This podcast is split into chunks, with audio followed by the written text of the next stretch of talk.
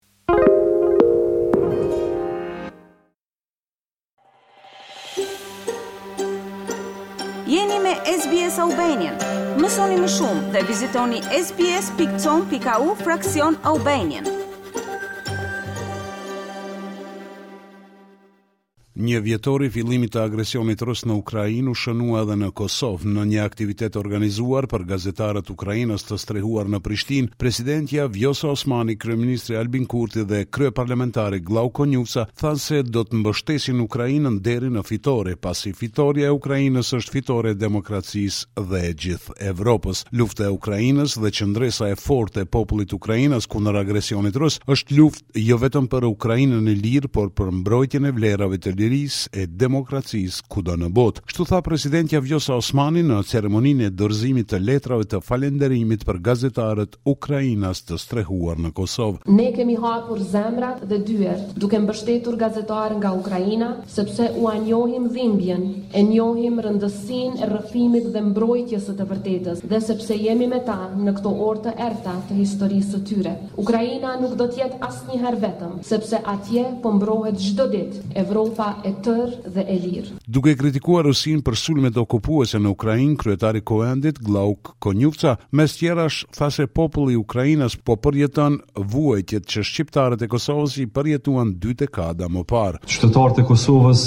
para njëzet e katër vitesh ishin në këpucët tuaja. Ne u përballëm me një regjim gjenocidal, i cili vrau, qytetarë të pafajshëm, fëmijë, gra e pleq, dhe i cili regjim e shtet jo vetëm që i bëri të gjitha këto, po kurrë nuk u distancua.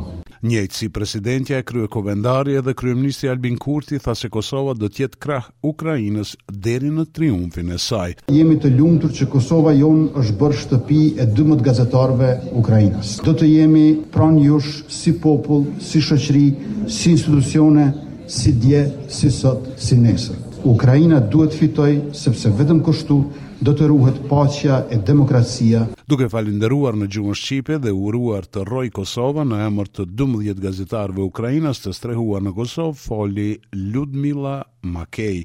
Ju me kuptoni më se mirë, sepse vetë kosovarët i mbijetuan luftës, ju si askush tjetër e dini çmimin e fitores dhe besoj se dhe Ukraina do të fitojë, se bashku do ta festojmë fitoren. Dje në seancën e radhës së Kuvendit të Kosovës, deputetët opozitarë kërkuan nga kryeministri Kurti që para takimit të njëzet e shtatë shkurtit në Bruksel të bëjë të ditur qëndrimin e Qeverisë së Kosovës për planin evropian e në veçanti për marrëveshjen e Asociacionit të Komunave me Shumicë Serbe. Kuvendi i Kosovës seancën e nisi me një minutë heshtje për viktimat e agresionit rus në Ukrainë në njëvjetorin e luftës. Duke u ndërlidhur me luftën atje, kryetari i AAK-së Ramush Haradinaj tha se Kosova mund ta ndihmojë koalicionin global kundër Rusisë duke pranuar planin evropian, i cili sipas tij do ta shpjerë vendin përpara në planin e sigurisë. I vetmi vend besoj në botë që nuk i gëzohet arritjes marrëveshjes është Rusia. Rusia s'ka asnjë interes që të ketë marrëveshje Kosovë-Serbi. Si mundet me vepru Kosova? Po, mundet t'hanen me e mbyll marrëveshjen. Pra me e mbyll, jo vetëm me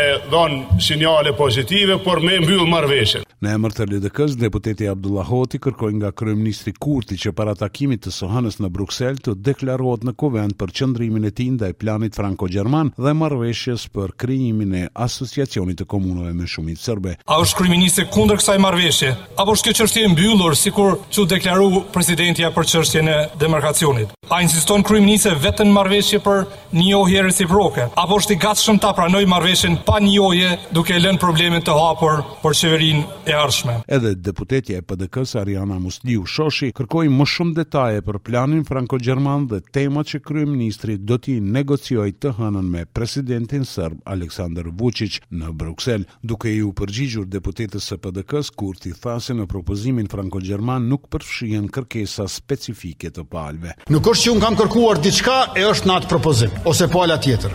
Aleatët e Republikës së Kosovës e kanë dizajnuar si një pako që do të avancojë anëtarësimin e Kosovës në sistemin ndërkombëtar dhe i cili përmban njohjen de facto e gjithë kjo bazuar në Kartën e Kombeve të Bashkuara e cila përbën një kushtetutë të sistemit ndërkombëtar Emisari i BE-së për dialogun Kosovë-Serbi, Miroslav Lajçak, ka thënë sot se takimi i njëzet e shtatë shkurtit, që do të mbahet në Bruksel, është tepër i rëndësishëm dhe se hapat e ardhshëm dhe pranimi i propozimit të BE-së varet edhe nga qëndrimet që do të mbajnë palët. Ai tha se qysh në shtator kanë folur me Kurtin dhe Vuçiqin për propozimin dhe se të dy kanë thënë se e pranojnë propozimin. Megjithatë Lajçak thotë se ka ardhur koha që ata të pranojnë edhe zyrtarisht dhe publikisht propozimin e më pas të diskutohet për implementimin e tij. Takimi i njëzet e shtatë shkurtit në Bruksel është temë aktuale edhe në Serbi. Presidenti serb Aleksandar Vuçiq është pyetur për takimin me kryeministrin e Kosovës Albin Kurti. Vuçiq ka thënë se do t'i përmbahet vijave të kuqe, ndonëse do na presin net të vështira. Të gjithë e dinë se Asociacioni i Komunave Serbe është thelbi i problemit, ka thënë Vuçiq. Për takimin e së hënës në Bruksel është deklaruar edhe Amerika. SHBA-ja mbështet fuqishëm propozimin e BE-së për normalizimin e marrëdhënieve Kosovë-Serbi dhe qasjen konstruktive për të ecur përpara, thuhet në reagimin e Departamentit amerikan të Shtetit në prag të raundit të ri të dialogut që do të mbahet të hënën në Bruksel. Serbia dhe Kosova duhet të arrijnë një marrëveshje gjithëpërfshirëse. Besojmë se marrëdhëniet e normalizuara në fund duhet të synojë njohjen reciproke ndërmjet dy vendeve. Progresi në dialog do të hapë derën e integrimit evropian dhe është i një rëndësie thelbësore për sigurinë dhe stabilitetin e Ballkanit Perëndimor, thuhet mes tjerash në reagimin e Departamentit amerikan të Shtetit. Lidhja Demokratike e Kosovës ka dorëzuar sot kallëzim penal ndaj ambasadorit të Kosovës në Kroaci, Martin Berishaj, për deklarim jo të saktë në Komisionin Hetimor Parlamentar të Kuvendit të Kosovës. Deputeti i LDK-së, Driton Selmanaj, njëherësh kryetar i Komisionit Hetimor Parlamentar lidhur me menaxhimin e krizës energjetike nga ana e Qeverisë së Kosovës, ka thënë se Berishaj ka qenë i informuar për pasojat ligjore që mund t'i ketë një person nëse jep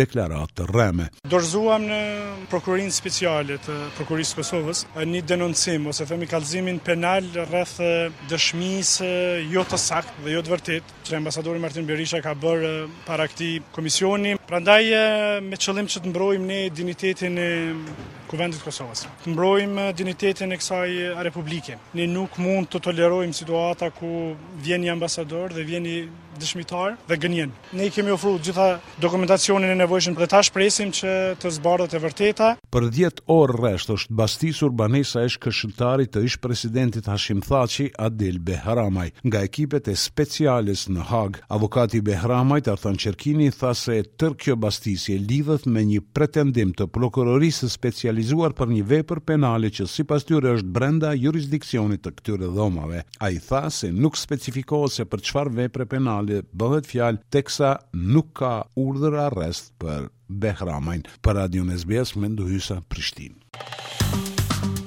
A ju pëlqeu ky reportazh?